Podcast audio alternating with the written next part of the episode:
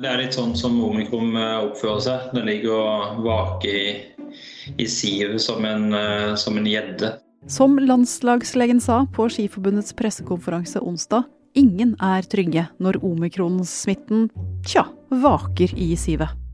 Heller ikke hypersmittebevisste langrennsutøvere. Ehm, det er Anne Kjersti Kalvå og Heidi Weng som har eh, positiv PCR. Dessverre så har vi fått ett til. Eh, det er dessverre Simen Hekstad Krüger som har eh, avlagt en positiv covid-test i dag. Og om en uke braker det løs. Fredag 4.2 åpnes de 24. olympiske vinterlekene i Beijing. Det var spådd og forventet at Norge skulle ta flere medaljer enn vi har gjort i noe OL tidligere. Men for at det skal skje, så må jo utøverne først komme seg av gårde. Det er bare en antall dager, det. Går det an å lage internasjonal idrettsfolkefest midt i en pandemi? Eller blir det omikron som tar flest medaljer i OL i Beijing? Du hører på Forklart fra Aftenposten. Jeg heter Marte Spurkland. Det er fredag 28. januar. Hvis alt går etter planen, så reiser jeg til Beijing eh, mandag ettermiddag. Eh, før den tid må jeg gjennom eh, tre koronatester. Én på fredag, én på søndag, og så en siste test på Gardermoen rett før avreise. Dette er Daniel Rød Johansen. Han er sportskommentator i Aftenposten og skal dekke OL i Beijing for oss. Nå sitter han hjemme og venter i spenning. Akkurat nå handler det om å ha så lite kontakt med folk som mulig, og gjøre det jeg kan for at reisen faktisk skal gjennomføres. Og det gjelder jo for hele teamet som Aftenposten skal sende. Vi har allerede fått beskjed om at én ikke kan reise pga. positiv koronaprøve, så nå, nå, er det litt eh, hevede skuldre og høy puls før avreise. I Norge har vi jo nå en strategi om å kontrollere viruset. Eh, I Kina er fortsatt strategien å, å holde det nede. Det er egentlig Etter hvert smittetilfelle er ett for mye. Så vi kommer inn i en helt annen verden, der det blir eh, tester hver eneste dag. Vi skal holde oss atskilt fra resten av eh, befolkningen. Når det er en uke til OL-åpning, så eh, vil jeg jo tro at dere som følger sport morgen, middag, kveld og gjerne om natta også, vanligvis har det omtrent som små barn en uke før julaften. Altså skyhøye forventninger. Men disse vinterlekene her, de blir jo annerledes.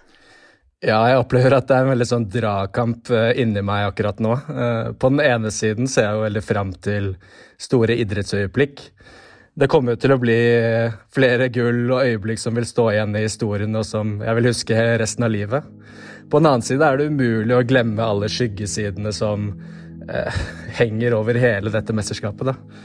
Det verste er jo menneskerettighetsbruddene i landet der OL skal foregå, og hvordan OL blir brukt eh, som en mulighet til å dra fokus vekk fra disse overtrampene.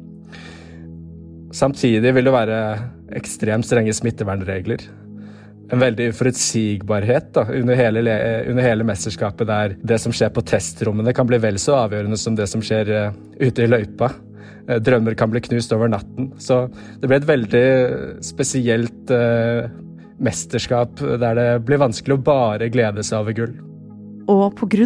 alt dette lager vi i Forklart to episoder som vår oppvarming til OL. I del én, altså denne episoden, tar vi for oss pandemi og sportslige forventninger. Neste uke kommer del to, en egen episode om menneskerettighetsbrudd, sportsvasking og storpolitikk. Men eh, nå, Daniel, hør på det her. Eh, det er helt klart at eh, det er ingen utøvere som kommer til å reise til OL i morgen som planlagt. Omikron har slutta å overraske meg. Det langrennsleiren har gått rundt og fryktet, ble virkelighet. Det startet da sprinttrener Arild Monsen eh, testet positivt for eh, korona da han var på vei hjem fra en treningssamling i Italia på søndag. Det satte jo i gang eh, full beredskap i leiren nede i Italia. Og onsdag ble det klart at eh, to utøvere, Heidi Weng og Anne Kjersti Kalvå, har testet positivt for korona. Det betyr jo med så kort tid igjen til OL at hele mesterskapet henger i en veldig tynn tråd for begge disse.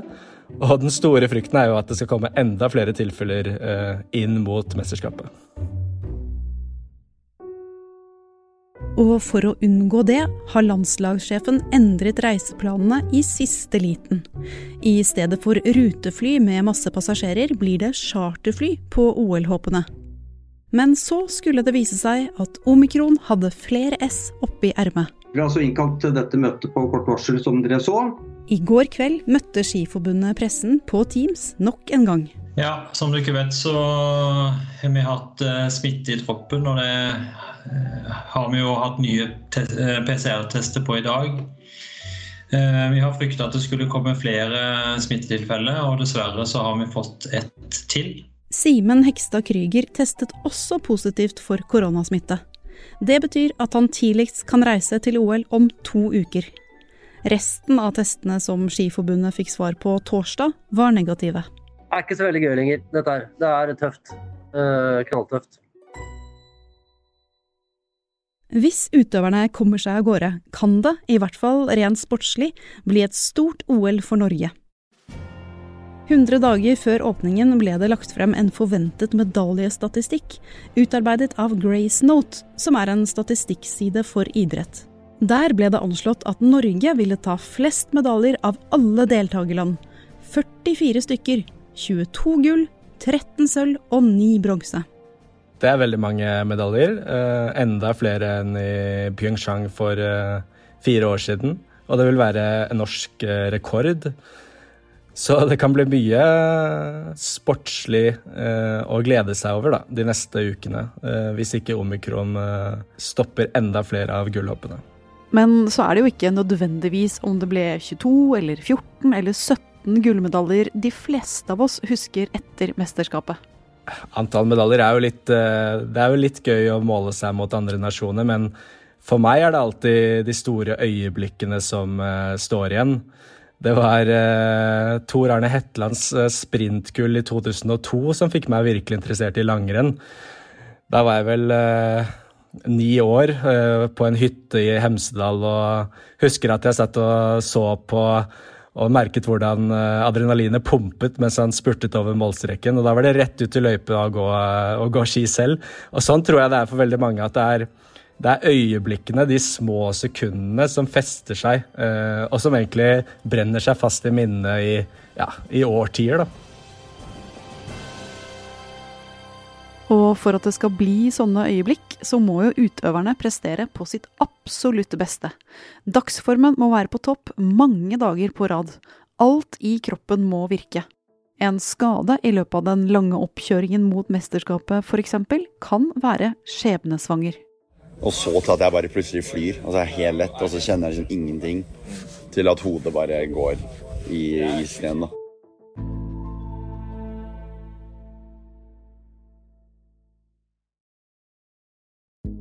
Lukas Bråten er 21 eh, år gammel. Han er eh, et, eh, et, av Norges største idrettstalenter og kjører alpint. Før sesongen møtte jeg han for å snakke om veien tilbake fra en stygg skade som han pådro seg i sveitsiske Adelboden 8.1 i fjor. Det første som skjedde, var en lettelse, husker jeg. Og nå bare var presset var bare borte. Nå kunne jeg dra hjem livet bare ble normalt liv igjen. da. Men det var kanskje i fem minutter, og så begynner du å tenke liksom at eh, faen, liksom, nå har jeg ofret utdannelse for det her, og kunne ha scholarships. Kunne ha sikret seg en veldig god fremtid, da. Det har du ikke valgt å gjøre, for jeg gikk å gå den ruten her. Og så det avhenger liksom Tak over hodet ditt, maten din avhenger av et kne. Og nå klarer du ikke å gå. Og da kommer stressen, da. Veldig. Og angsten for det valget du har tatt. da. Måten i etterkant har jo handlet om uh, tung, tung opptrening. Men han rakk sesongen. Uh, da han var tilbake i den samme bakken tidligere i januar, så turte han faktisk, faktisk ikke å fullføre rennet. Minnene fra skaden meldte seg. Men bare en uke senere vant han verdenscup, et verdenscuprenn i Wengen. Så uh, nå er han en av uh, favorittene til å vinne gull. Og det, det, det, viser noe av det som er fascinerende med idrett, syns jeg. Da, at disse toppidrettsutøverne som vier livet sitt til dette, og får de største nedturene, bare måneder senere kan få kanskje sitt livs største opptur. Og er det noe OL viser, er det jo nettopp disse historiene. Og Daniel, hvis du skal gi oss en slags brukerguide da, for de som ikke er så godt pålaga sport som du selv, hvilke andre utøvere eller konkurranser bør vi få med oss eh, i løpet av disse lekene? For å få med oss flest av de der gylne øyeblikkene, da. Det er iallfall noen eh, utøvere det er verdt å merke seg hvis man vil ha flest mulig gull via skjermen. Det er jo Therese Johaug, som aldri har vunnet OL før, men kan vinne flere gull denne gangen. Det er Johannes Høstflot, uh, Høstflot Klæbo, som kan bli OL-konge. Det er Jarl Magnus Riiber, kombinertløperen som vinner nesten alt han stiller opp i for tiden. Og så er det Marte Olsbu Røiseland, uh, en skiskytter som fort kan bli en slags gulldronning under, under, disse lekene. Dette er kanskje de som vil ta flest gull, men det er jo egentlig bare å se gjennom hele OL-troppen, så dukker medaljekandidatene opp eh, med jevne mellomrom. OL er jo også en eh, anledning for eh, nye stjerner å markere seg. Det er jo et, sånn, et, et utstillingsvindu som kan definere karrierer.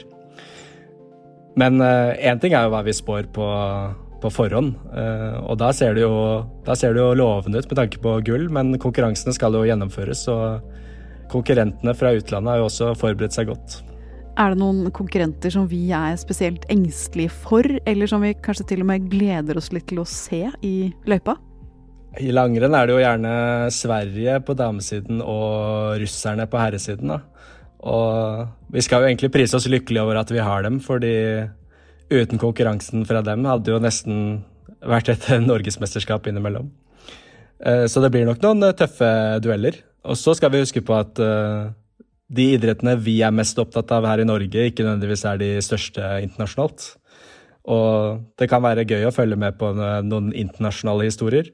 For eksempel er det en stor stjerne innenfor friski som heter Eileen Gu. Og hun uh, skiftet statsborgerskap for noen år siden fra USA til Kina, og er kanskje vertsnasjonens uh, største gullhopp før disse lekene. Noe av poenget med OL er jo at det skal være folkefest, forbrødring. Nasjoner som forenes på tvers av alt annet og samles om sportsånd og vennlig kappestrid. Denne gangen blir det ingen folkefest. Det blir eh, helt eh, nakne tribuner. Eh, sånn var det også i Tokyo i fjor sommer, der jeg også var under OL. Og det er jo noe trist over tomme tribuner under et OL, når store deler av poenget med dette mesterskapet er jo nettopp folkefesten. Og du har jo også skrevet en kommentar i, i Aftenposten med tre grunner til at OL burde vært utsatt. Hva er de grunnene? Det ene handler om at uh, koronaviruset nå er så smittsomt at ingen helt kan gardere seg mot det uansett hvor flinke de er. Det leder over til neste grunn, som er at det vil jo bli et veldig uforutsigbart OL.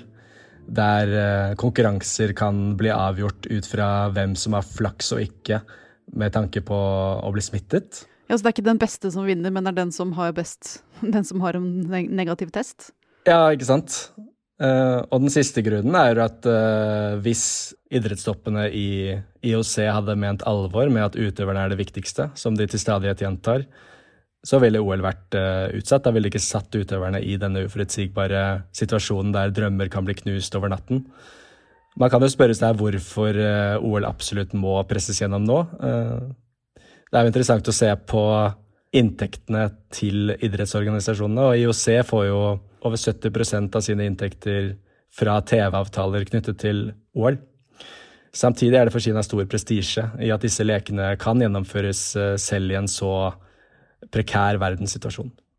Og det Daniel, det leder oss over til de andre skyggene som ligger over disse lekene, og som gjør at det mesterskapet her blir en balanseøvelse, som du sa. Kan du gi noen stikkord om det? Det handler eh, enkelt forklart om at uh, dette OL arrangeres i et land som blir stadig mer autoritært. Og som systematisk begår grove brudd på menneskerettighetene. Alt dette skal vi snakke mer om i del to av Forklarts OL-oppvarming neste uke. Men for nå, Daniel, tror du at du klarer å finne fram til idrettsgleden i løpet av dette mesterskapet? Jeg kommer nok ikke til å greie å skyve skyggesidene helt fra meg, og det skal jeg heller ikke gjøre. Eh, når jeg reiser ned, så er det en viktig oppgave for meg nettopp å belyse denne siden ved OL.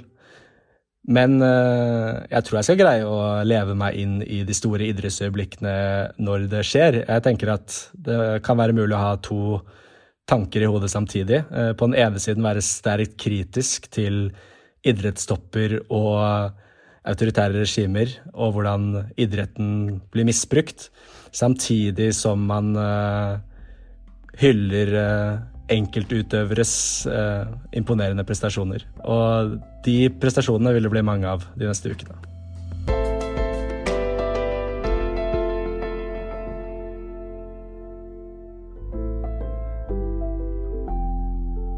Det var Daniel Rød Johansen som delte sine tips til balanseøvelsen som er vinter-OL. Du har hørt lyd fra VGTV og Daniels opptak med Lukas Bråten. I arbeidet med denne episoden har produsent David Vekoni og jeg, Marte Spurkland, hatt førsteklasses sportsånd som alltid. Resten av sportsredaksjonen Forklart er Anne Lindholm, Fride Næss Nonstad, Kristoffer Rønneberg, Synne Søhol og Anders Sveberg.